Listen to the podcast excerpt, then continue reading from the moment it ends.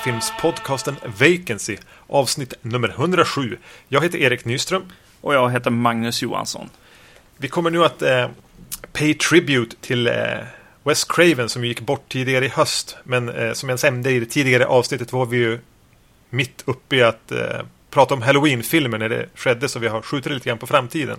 Mm, precis. Vilka filmer har vi då valt att rikta in oss på?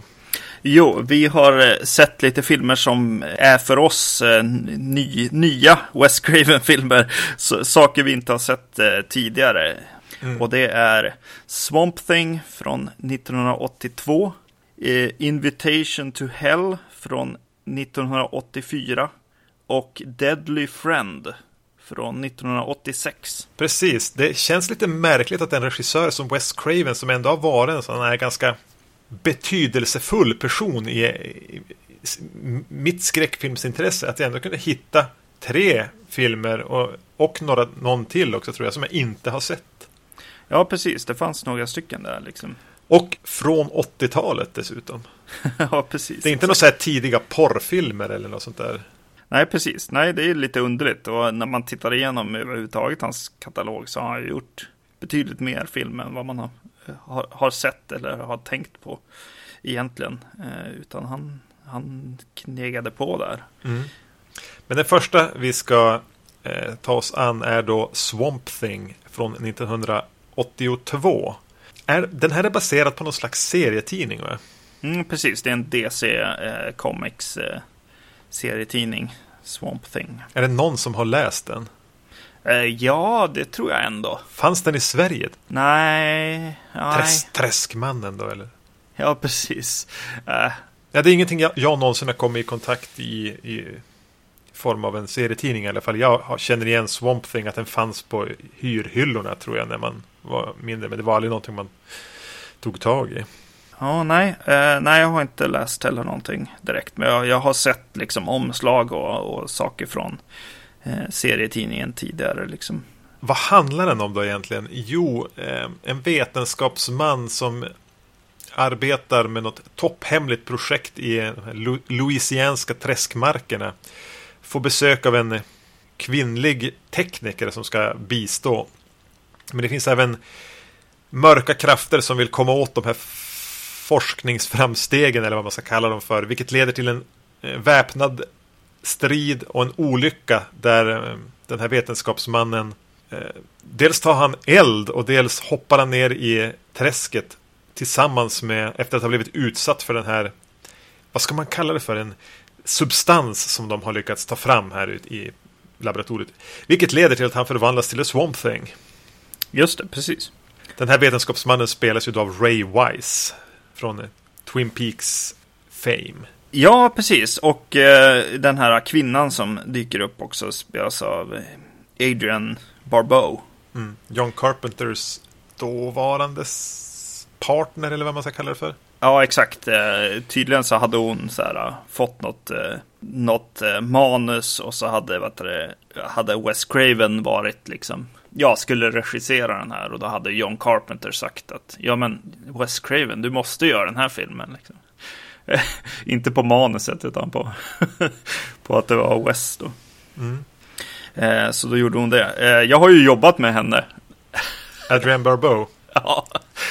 Eh, väldigt så här lite. Men eh, jag jobbade ju på eh, Mad Max-spelet. Och eh, hon spelar en av karaktärerna där. Och både jag och våran författare till det spelet var väldigt förtjusta i att det blev så.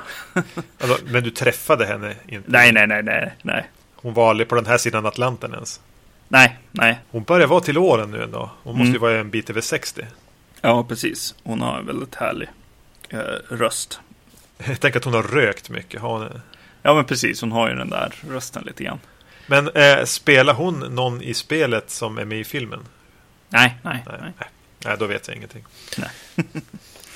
Eh, nog om det, ja precis. Eh, den här filmen eh, känns det som att det är någonting off mer än tidigt. Så här. Först och främst så kom, dyker David Hess upp som en av de här eh, ondingarna, eller vad man ska mm. säga, eh, militärerna liksom, som, som är ute efter den här eh, substansen som de har kommit fram till där. Det är någon slags växt, eh, klorofyllbaserad sak eh, som de vill eh, få tag i för att, jag vet inte, militären.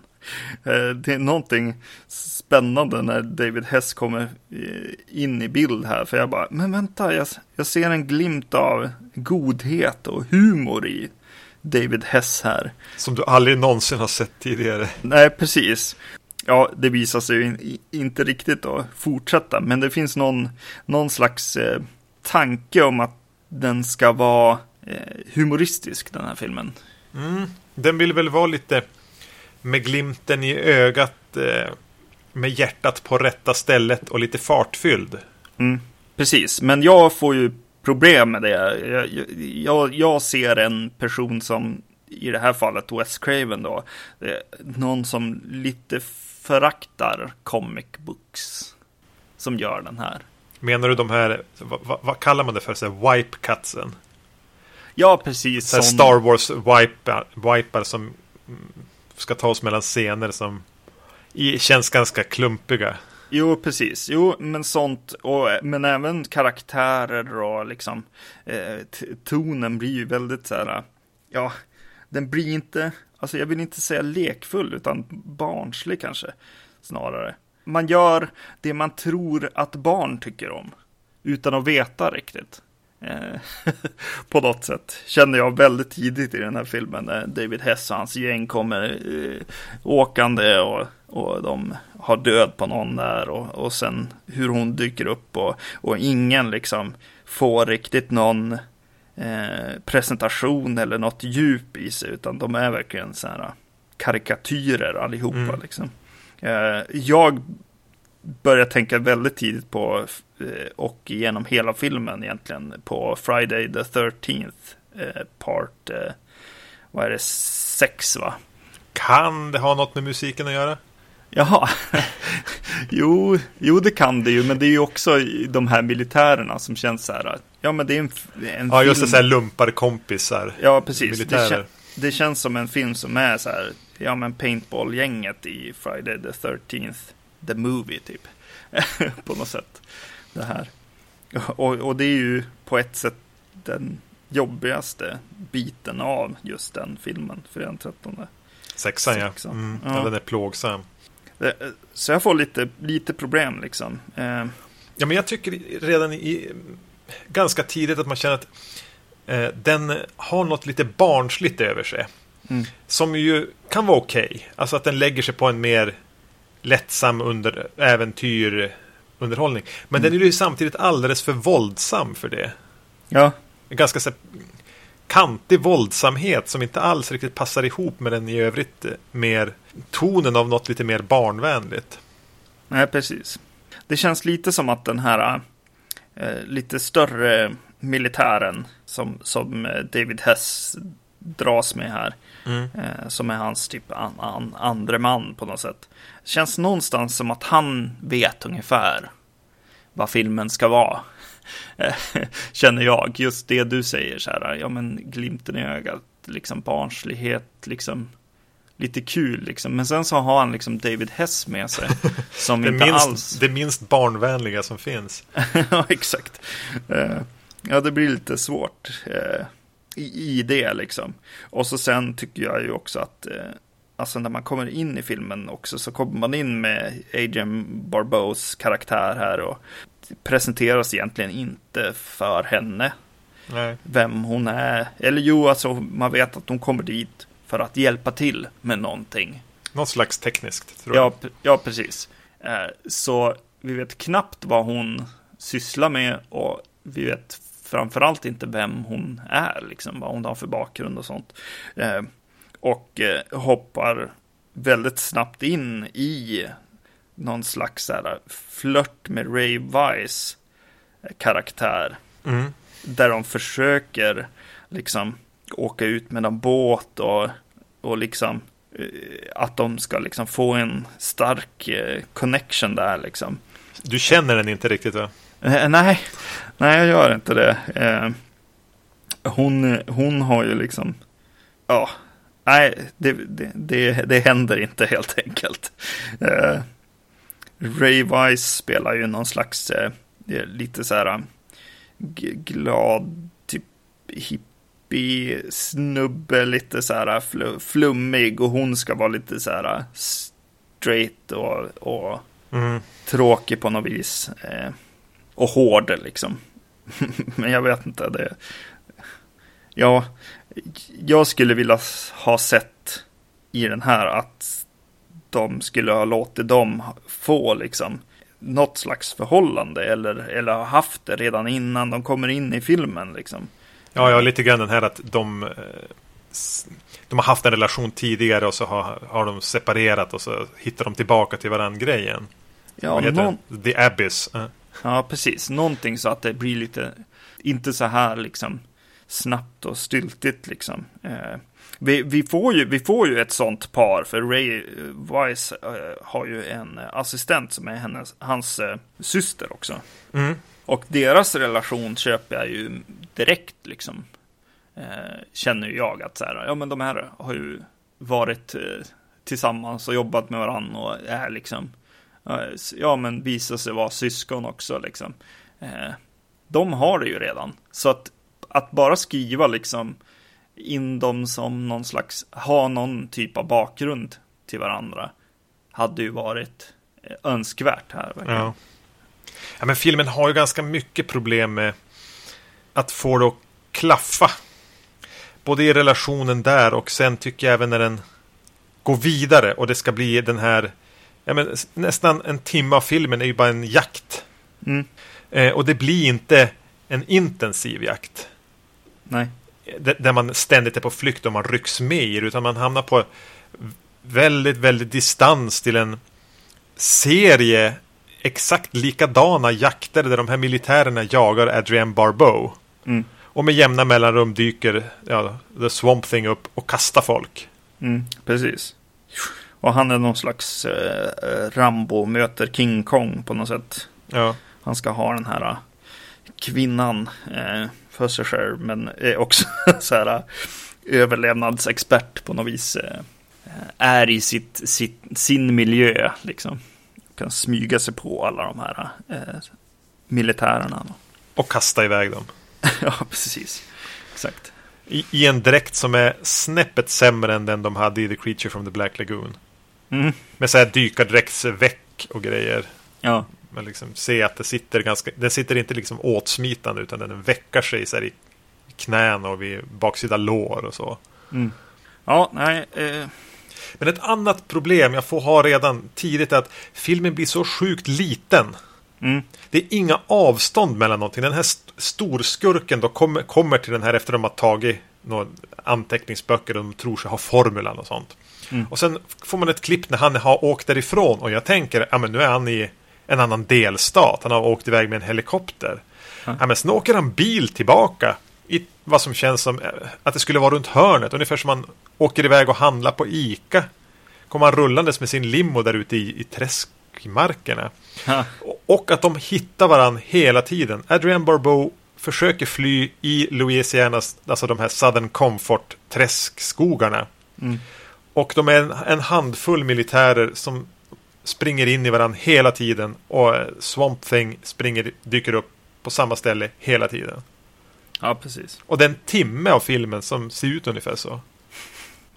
Ja, ja.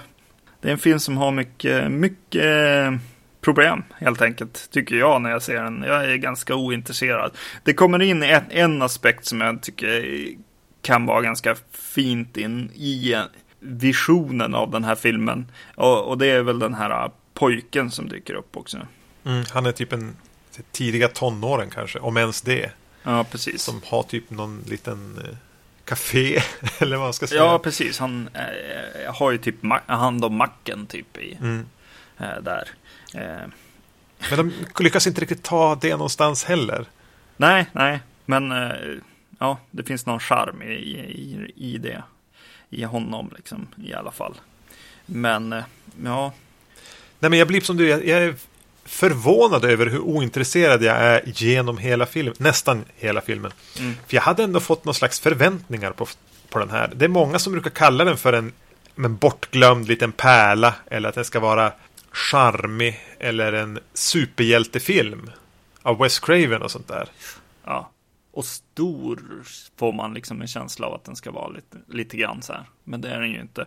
Eh, förutom att de är i träsket liksom. Och det är väl liksom okej okay, att, de, att de har åkt ut och faktiskt filmar i ett träsk liksom. Men ja, nej. Eh, nej, utan man tänker ju mer på liksom de här filmerna, eh, de här Hulken-filmerna som de gjorde typ eh, när de inte spelade in tv-avsnitt liksom av Ja, jag tänkte också faktiskt på Hulken, tv-serien, eller alltså ja, ja lång, långavsnitten, långfilmslånga avsnitten. Ja, precis, typ han och, och Daredevil eller han och Tor, eh, Hulken och Tor eller vad mm. filmerna nu heter liksom.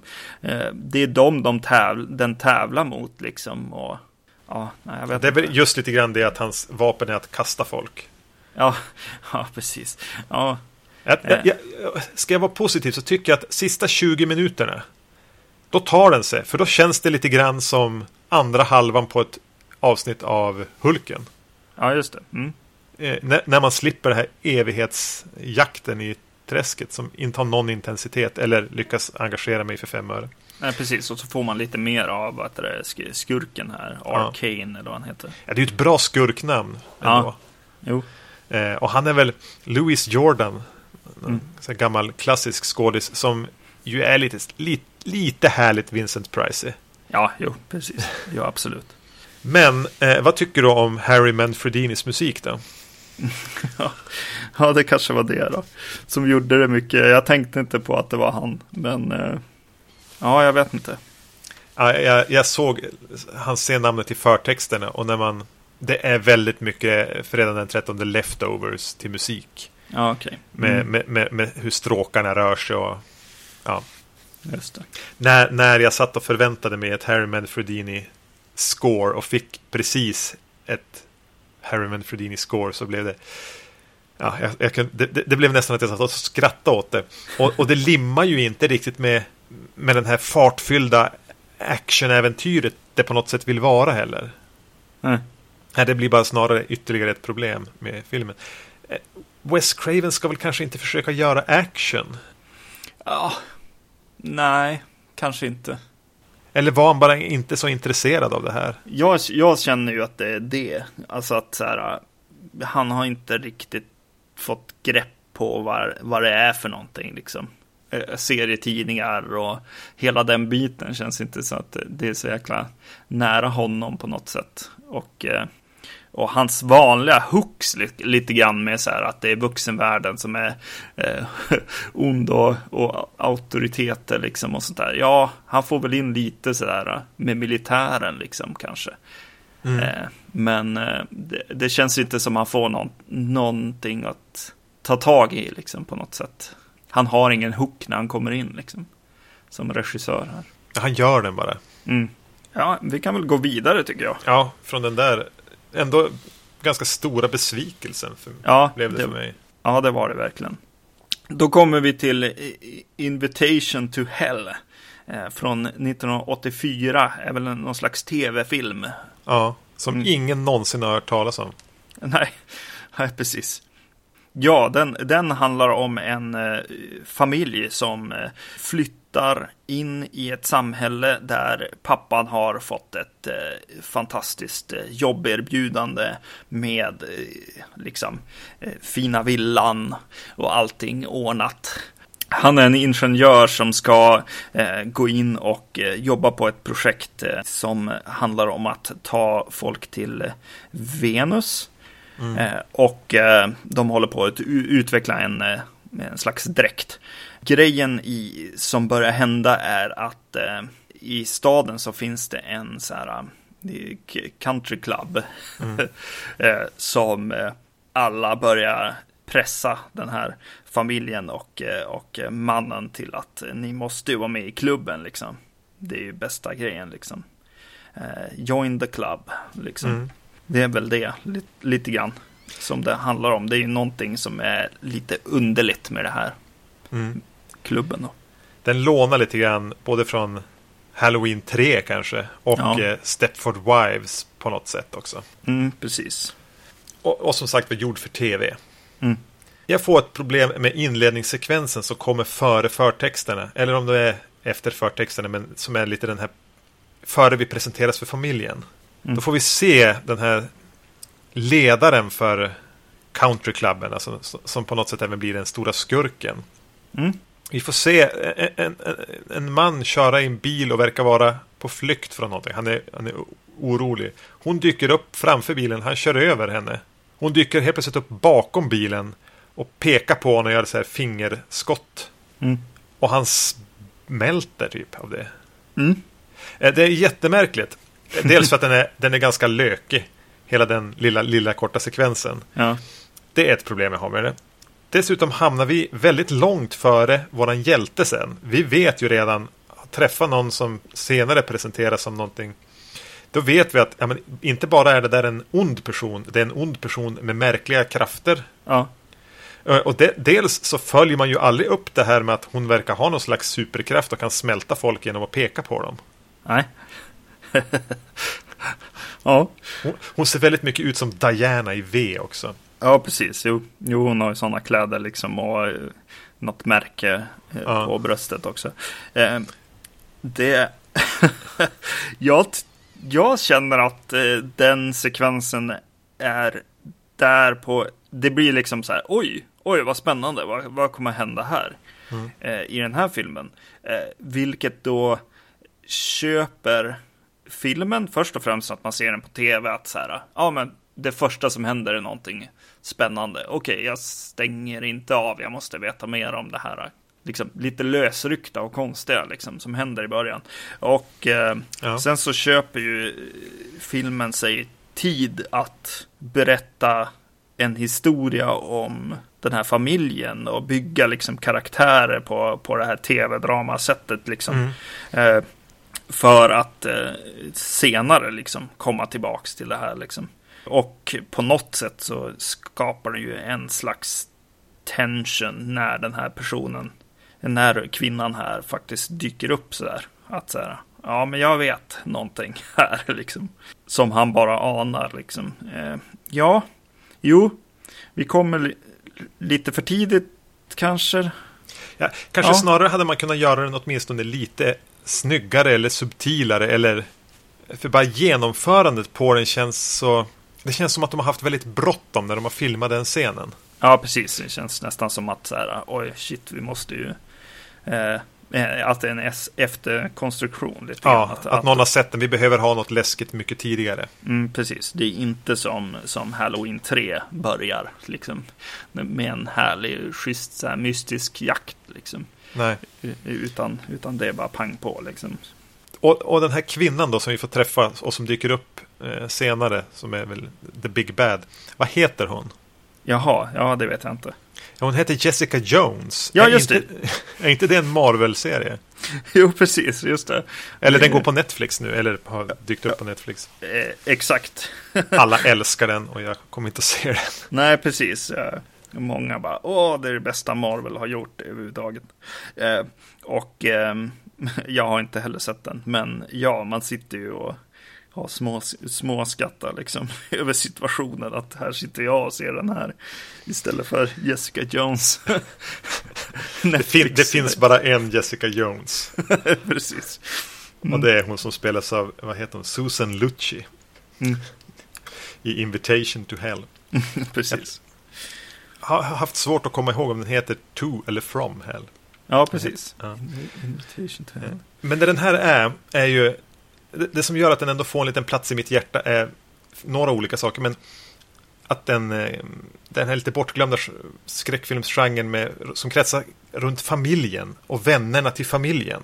Mm. Okej, det har kommit tillbaks lite grann med här, James Wans filmer, Insidious och, och även Paranormal Activity-filmerna.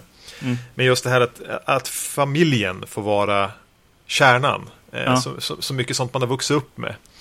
Att det handlar om ett gäng inte handlar om, alltid om ett gäng ungdomar utan pappan och de två barnen, alltså the Griswolds i princip, som Ja. blir utsatta för skräck. Jag tycker det är trevligt, eller för att använda ett ord som vi väl här på Vacancy överanvänder ganska mycket, mysigt.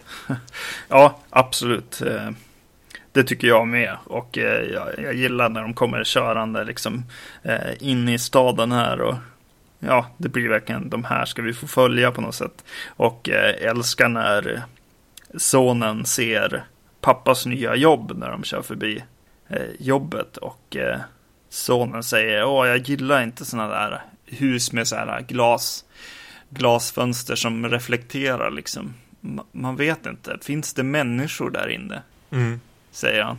Det sätter någon slags eh, känsla i mig. Att säga, åh, ja men nu får jag en liten känsla av vad jag ska få se liksom. På något sätt. Ja, men som det här tv-skräckisen. Men så är den ju, den är ju väldigt by the book. Mm. Men den är ju väl eh, svarvad i det avseendet. Alltså den, den, den, den tar inte ut några svängar någonting. Men den är verkligen den typiska tv-skräckfilmen som har kommit under, jag har sett en del sådana från 70 och, och ja, åtminstone första halvan av 80-talet. Mm. Sånt där som Ronny Svensson kunde dunka upp på 90-talet. På Ronnys rullar också. Ja, Och det är någonting som känns väldigt habilt. Och, och manuset är skrivet av någon som vet vad de håller på med. ja precis. Jo. Kanske inte haft de fräschaste idéerna, men ett, en hantverksskicklighet. Det är just det där lite mysiga när man får mysa för att man vet att så här, eh, hur de tänker på något sätt. De, har, de visar den här dräkten till exempel som han, han ska jobba på liksom. Eh, Mm. Och ja, de ska till Venus för att undersöka liksom. Men de har ju jetdräkten liksom någon slags laservapen och eldkastare och De har verkligen så James Bond-scenen när de visar vad den kan göra dräkten. Ja, precis. Eh, väldigt roligt där. Och, och, och så har de det här med att eh, det han har jobbat på är verkligen är den här hjälmen då som kan, kan skanna miljöer och så och kunna avgöra vad de ska se där på Venus då. då. Att så här, ja men det här är är liksom ja, i, de, i deras eh, exempel är det någon sån här, ja men planta eller vad det är. Mm. Eh, eh, ja, det är en, en, en planta och det här är en människa och, och lite sådana grejer. Jag tycker att det är, det är så här lite mysigt eh, än en gång för att så här, putta en framåt, tänka på så här, bara, Åh, ja men jag vet. så man hänger som med genom hela filmen gör man ju. Eh, Det finns ju inga riktiga överraskningar liksom.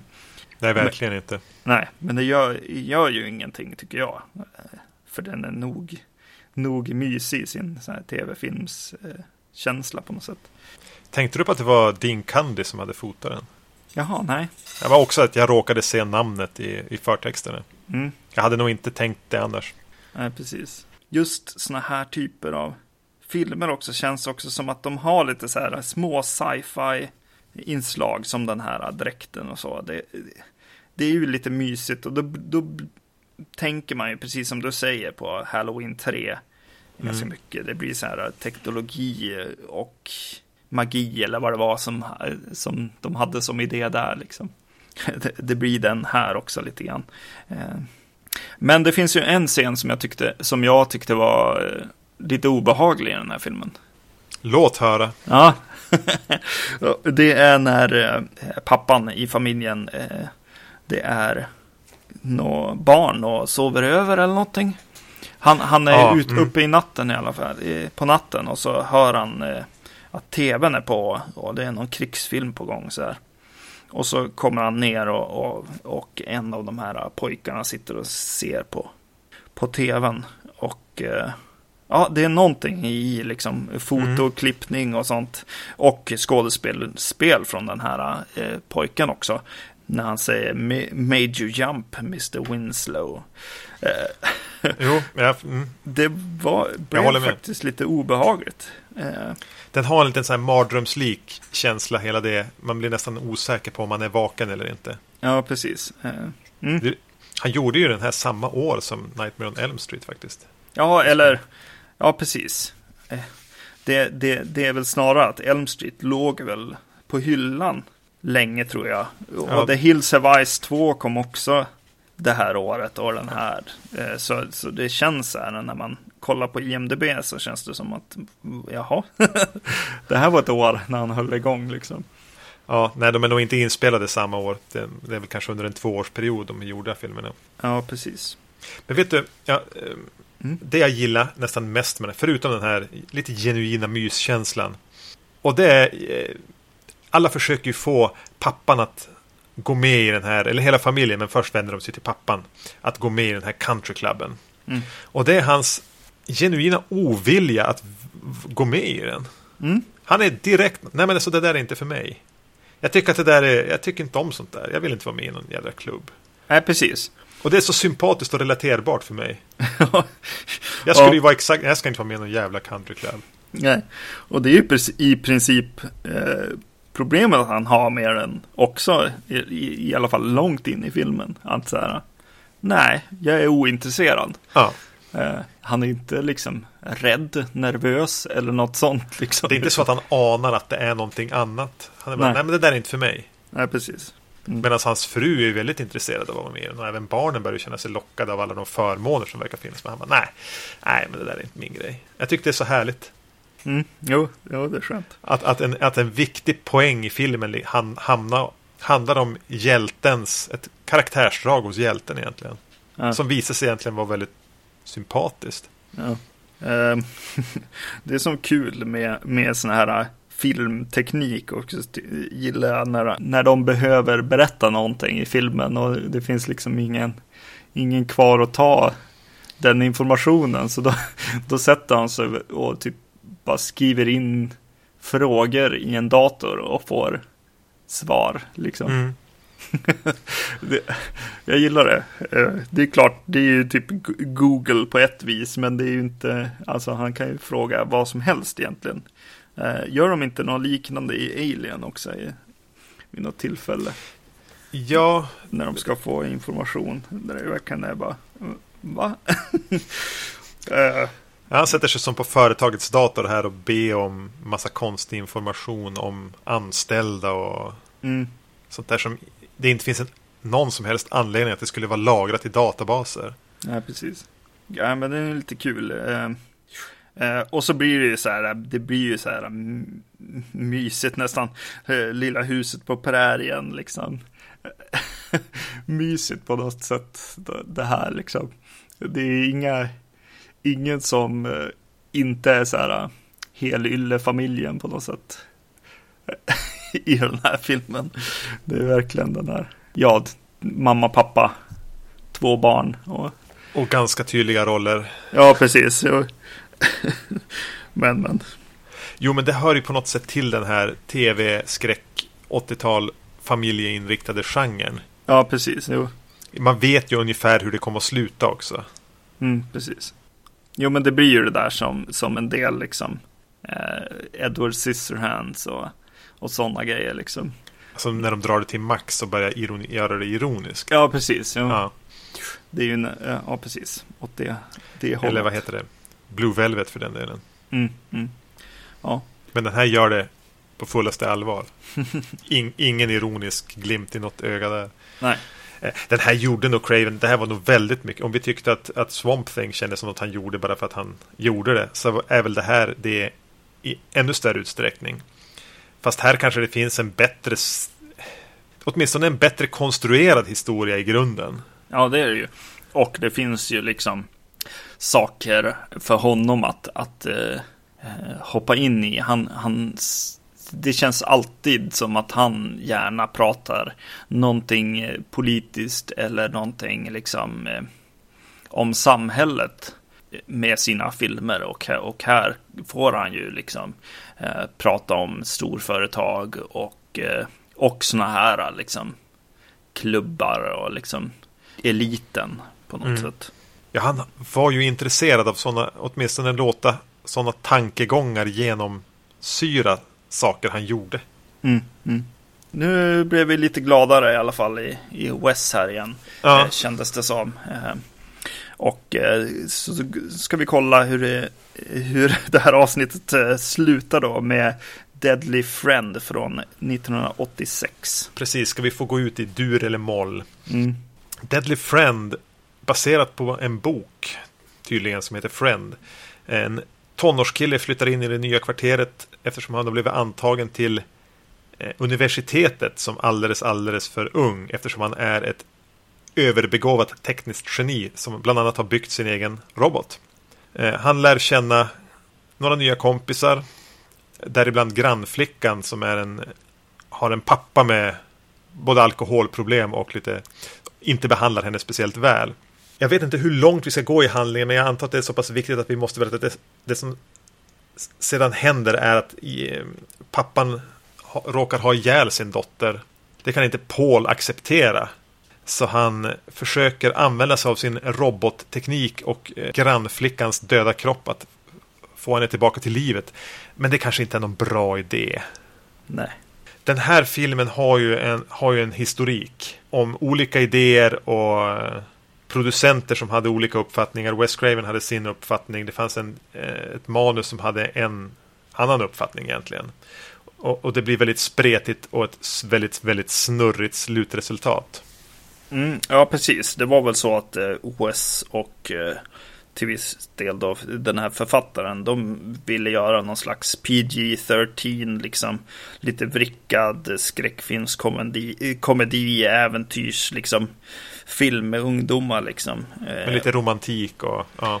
Precis, och producenterna insåg vem, vem de hade eh, anställt och eh, insåg att Wesses namn var liksom eh, förknippat med Freddy Krueger framför allt liksom och eh, börjar väl tvinga in liksom gore-scener och, eh, och mer liksom ja, våld och, och, och så. Och, och eh, ett, ett gäng mardrömmar. ja, ja, precis. Ja. Eh, precis, till det, ja precis. Och till, det här gick väl till den grad att både Wes och författaren här inte riktigt vill, ville liksom eh, ha med den här filmen att göra i slutändan. Liksom. Eh, någonting som det känns som att man har hört förr. Mm. Eh, med Wes Craven. Eller hur? Vilken film tänker du på då? Jag tänker på Cursed. Ja, just det. Mm. Eh, den var ju så här bara, jag vill inte ens ha namnet liksom. Det var både han och eh, i det fallet var det ju eh, Scream-författaren. Ja, Williamson, ja. De ville göra något helt annat än, än vad filmen var i slutändan. Men ja, kontrakt och skit gjorde att eh, deras namn var på eh, produktionen och så. Och eh, det känns ju också som att det här visar ju på att Wes Craven är ju en skräckfilms liksom, regissör och han är ju liksom han fick ju precis som alla andra liksom kämpa lite grann för sin karri karriär. Mm. Ganska mycket uppförsbacke. Mm. Om man, det är svårt att inte dra paralleller till John Carpenter. Som ju under samma period mer eller mindre verkade få göra det han ville göra. Mm. I betydligt större utsträckning. Han hade inte de här stora bråken med producenter och ville ta bort sitt namn och fick dem sönderklippta. Eller Nej, omklippta. Som Wes Craven verkar ha drabbats av. Mm. Jo, man undrar lite grann. Om han, han kanske inte var så himla nöjd i, i, i, i genren kanske. Och, hade väl, eh, och var kanske också lite, ja men ville säga lite mer med sina filmer än vad ja, budget och annat tyckte. Jag vet inte, eller producenter. Han, han, verkar ha haft lite, lite kämpet med det där. Men också med att liksom få, få igång och få göra liksom eh, film liksom överhuvudtaget liksom. Elm Street var ju en succé och, och sen så fick han ju en comeback med med Scream. Men eh, resten har nog varit ganska kämpigt. Liksom, ja, det verkar som, som att han, det. det, är med jämna mellanrum som Wes Craven lyckas mm. få sin vision och producenterna med sig. Och det är då det blir bra. Ja, precis. Ja. Däremellan blir det så misslyckade kompromisser. Mm, mm. Så filmen har inte de bästa grundförutsättningarna att lyckas riktigt. Nej, precis. Eh, den här filmen börjar ju lite på, på, samma sätt med en liten ond föraning, eh, även om den här är lite mer subtil kanske. Men det börjar på ett ställe som heter Burger Heaven. som ja, jag bara, den kopplingen gjorde jag inte. Nej, precis. Det, det, det, de står lite bilar parkerade utanför Burger Heaven och jag bara, åh, Burger Heaven, finns det? det är säkert en riktig kedja, men det var lite kul namn. Uh, där, där ute på parkeringen i alla fall så är det en, en biltjuv som ska bryta sig in i en bil och, och då får vi första kontakten med den här roboten som egentligen försvarar bilen då, eller attackerar egentligen den här biltjuven. Eh, som ju är den här lite onda föraningen på något sätt i filmen. Mm. Eh, och roboten heter BB, mm. vilket är ju lite slående eftersom att nya Star Wars-filmen har ju den nya, den här äh, runda roboten. Ja, just det. Eh, som heter BB-8. Ja, det är sant. No. Tänkte jag inte på. Nej, så det är åttonde liksom, iterationen av, ja. av den här roboten. Och Wes Craven fick inte leva och se det. Nej, precis. Nej, Nej tyvärr. Ja, men ska vi upp... Eller vill du säga någonting mer om den scenen? Nej, eh, egentligen inte. Det var... Ja, det är spännande att båda de filmerna börjar lite, lite likadana. Det är lite så här slasherfilms eh, liksom upplägget på något sätt. Mm. Med, med någonting som inte står rätt till. Eh, vilket igen ger lite tid åt, åt att eh, presentera karaktärer. Som ju är då, eh, liksom, ja då flyttar de in. BB spelas förresten av eh, eh, vad heter han, Charles eh, Fleischer. Ja, ja, Roger Rabbit och Elm Street. Just det, precis. Uh, han, han är, gör rösten till Roger Rabbit, men han är även med i um, första Elm Street-filmen. Mm. Uh, precis. Uh, ganska liten roll där. Ja, och den här är ganska liten också. Mm. på ett sätt, men, men ja, det är ju roligt att det är han. Och, och den funkar ju väldigt bra också, för han är ju både liksom rolig eh, kompis sådär, men det finns något mörker på något att sätt. Inte riktigt kontrollerbar. Det är väl det att han utvecklas på ett sätt. Alltså ja, det är som att AI där inte riktigt står under gå att kontrollera. Nej. Bara hitta på egna saker.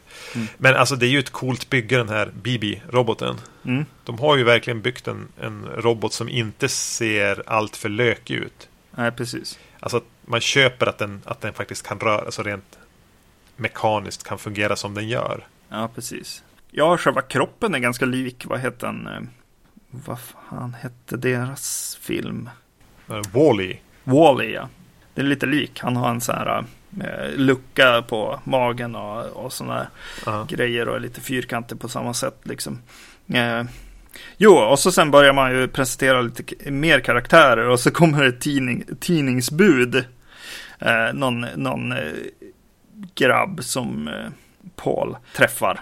Och när de börjar träffas just första, första liksom så här på gatan så bara, ja, BB är där och han ramlar eller vad han gör med cykeln liksom. Och så börjar de prata och så här. Och jag börjar direkt känna så här, bara, kommer de här bli tillsammans? Du får lite så här meet cute. Ja, precis, att de står och flörtar lite grann med ja. varandra. Ja, det blir ju inte så, men... Ja, men det blir som en kvartett som bildas av ja. den här Paul då, geniet, Tom heter han, tidningspojken, mm. Bibi då, roboten och grannflickan Sam. Ja. Eh, och jag tycker det finns kemi mellan de där, eh, framförallt de tre mänskliga kanske. Ja, precis. Mm. Du ser, eh, ja, jag, jag uppfattade inte att de flörtade med varandra. Men me mellan det här gänget, att det, det finns genuin kemi. Alltså man jag gillar att de umgås, jag gillar att de fann varandra. Jag hinner bli lite investerad i deras vänskap. På den korta tid jag, eh, man ändå får med dem tillsammans. Mm, precis. Hon, eh, grannflickan spelas ju av eh, Christy eh, Swanson. Buffy. Buffy själv, ja. Precis. Eh, hon var 16 när hon gjorde den här. Ja, precis. Ja. Ja, Ja, men de hamnar in i, i, det som får bygga den här kemin lite grann i en grannfejd med typ eh, ragatan, paranoida tanten i mm. kvarteret. Mm. Mm. Eh, och, och, just den har också någonting lite Spielbergskt över sig. Eh, mm. att, att det känns man får stanna i det lite grann. Att de bemödar sig med att, att lägga lite krut på att etablera det. Eh, Ja. Och det, Ja. jag gillar det. Och, och den här kvinnan spelades av Anne Ramsey från, ja, kanske mest känd från Goonies och Släng morsan av tåget. Mm. Ja, men kanske hon, men också andra saker. Liksom den här eh, pappan då, som är riktiga ondingen på något sätt i filmen, som ju faktiskt, det blir ju ganska otäckt. Och det är väl här kanske eh, filmen börjar få en liten halvkonstig liksom, Mm. ton nästan. Men å andra sidan känns det som att, ja varför inte vara sådär elak på något sätt? Någon måste man ju liksom skrämma lite grann så här. I alla fall tidigt i filmen då. Det Mm. går, går lite över, överstyr lite senare. Eh, Men eh, jag får, får direkt känslan av att jag, att jag sitter och ser på liksom ett möte. Det är typ en jävel till granne möter typ weird science eller någonting. Som Ja, jag sitter och ser på. men alltså jag satt och tänkte på Spielbergs Mm, och så mm. en massa övervåld och så något genuint mörkt. Alltså som att, alltså en alkispappa som slår sin 15-16-åriga dotter. Ja, precis. Och, och ja, precis. Kanske även mer liksom. Mm. Ja, eh, precis. Och så blir det ju, ja precis. Och så blir det så här knas mörkt som, som att någon inte riktigt tänker på vad de gör på något sätt i filmen ibland. Så här. Eh, till exempel så, så när de ska, eh, när hon då dö, dör, den här eh, grannflickan, eh, Sam, så ska de eh, hämta henne på sjukhuset liksom. Ja. Eh, och eh, försöka operera in det här chippet eller eh, liksom robotdelarna liksom. Och det de då gör för att ta sig därifrån han eh, eh, Paul och eh, Tom det är att de söver mamman med liksom de drogar henne i, Mm. med kaffet. Och jag blir så här, jag bara, men det här är lite mörkt.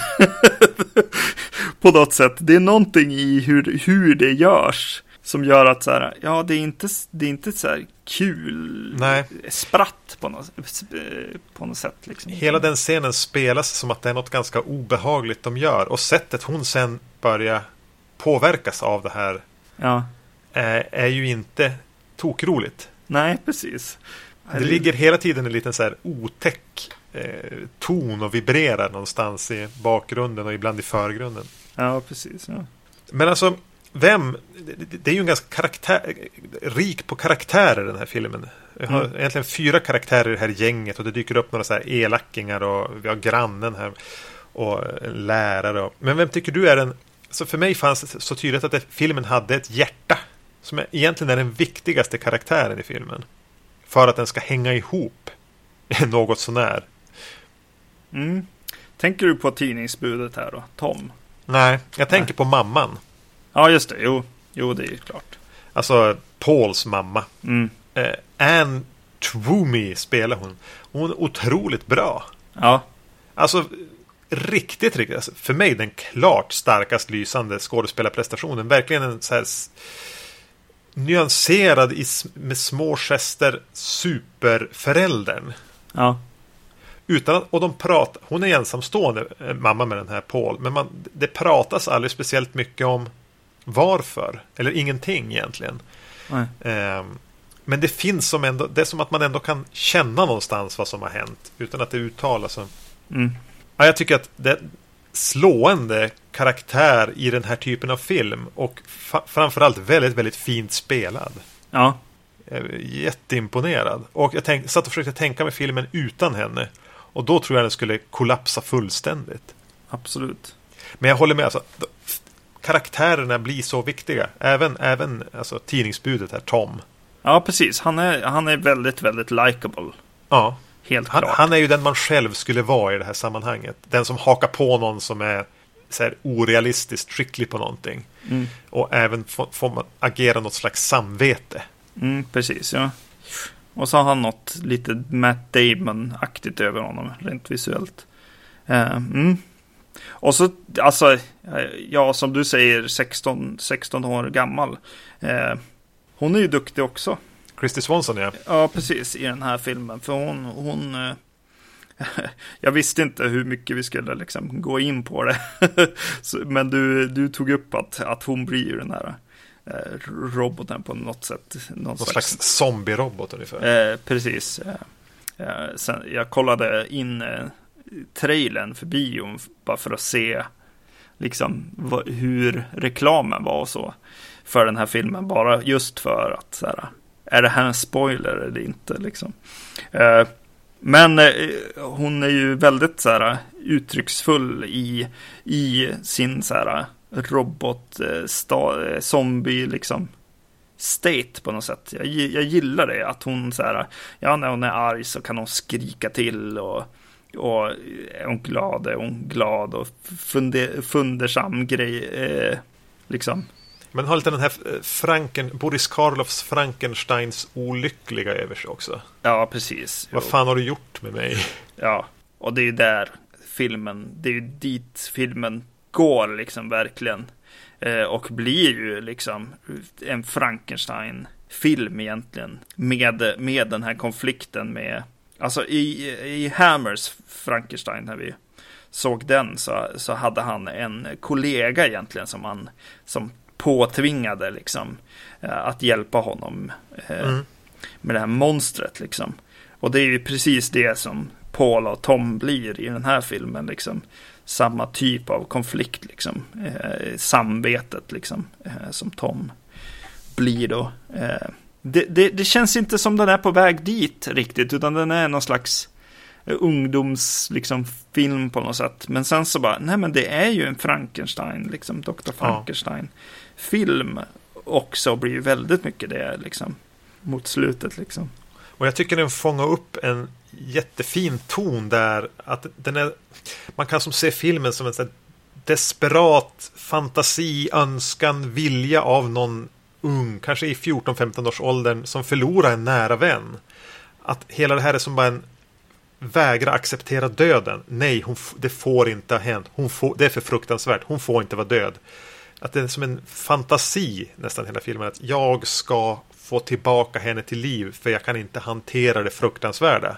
Nej, precis. Att det finns en sån, sån tema som är, har en desperation och ett mörker som jag, jag tycker är jättevacker. Ja, det är det som driver Frankenstein också. Ja. Eh, så det blir ju verkligen en sån film. Och, ja, jag gillar det verkligen. Eh, eh, sen, sen är det en film med precis som vi sa i början, med många mästare. Och den har lite, lite problem med vissa saker. Så här. Det blir lite övervåld liksom. Som... Ja, men onödigt övervåld. Ja, det är det. Precis. Och, och det, det, det skär sig ju mot resten av historien. Ja. Och så gör de en ja, men lite så här slentrian, mardrömmar, Freddy-grejer liksom. Eller framförallt en, en i sängen där. Eh, mm. Just, just efter en scen där filmen är på väg åt ett håll och så kommer man in i det här och så bara, ja men okej, det är ju hon som är i liksom rummet här med Paul på något sätt och så sen börjar allting bara, nej, inget stämmer liksom. Eh, det är ju också den mest liksom skrämmande saken i filmen. den eh, liksom mardrömmen i sängen ändå. Mm. men den är ju det det för att, eh, eller mest det, för att den inte följer eh, filmens uppsatta regler. Så den blir ju för eh, konstig för mig. Så att jag blir så här, ja, jag, jag får ett väldigt så här obehag på något sätt när det, när det börjar röra sig under, under täcket där. Mm. Och ja, mest är det för att den på ett sätt fuskar. Ja, men som enskild scen, ja, men alltså det, när man backar ett steg från och försöker se hela filmen så nej, jag vill inte ha den där. Nej, den ska inte vara där, och, eh, men det är också därför jag blir, jag tycker den är lite obehaglig för att den verkligen, den kommer ju från ingenstans på något sätt. Mm. Eh, men, men det är ju bara fusk på något sätt känner jag liksom. Jag blir, blir ju irriterad att den är där. Ja, men samma sak det här ganska välkända basketbollmordet, eller vad man ska säga, som brukar ofta brukar refereras till. Jag tror till och med blev en sån här meme. Mm. Gillar jag inte alls. Nej, nej, precis. Det, det, det känns bara så spekulativt löjligt i sammanhanget. Ja, det, det verkar verkligen inlagt också i efterhand för att eh, senare då, då har de en, ett, eh, en scen där det, eh, vad jag förstår, är det liket så här bärs ut.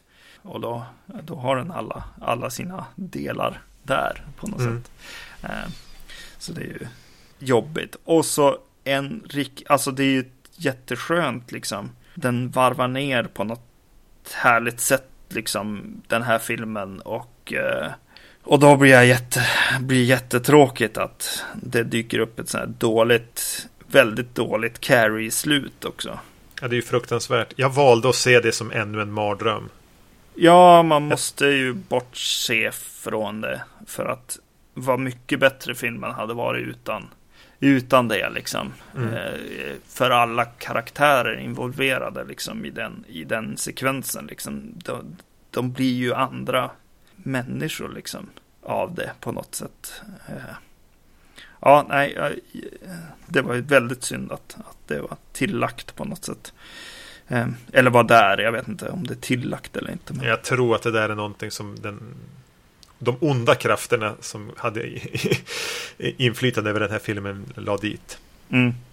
Men ja, nej, men det är en ganska trevlig sån här ungdoms liksom skräckis som, som eh, går och är lite, lite mörk och lite för mörk ibland liksom. Eh, vilket jag gillar, alltså de partierna, den här pappan mm. till exempel.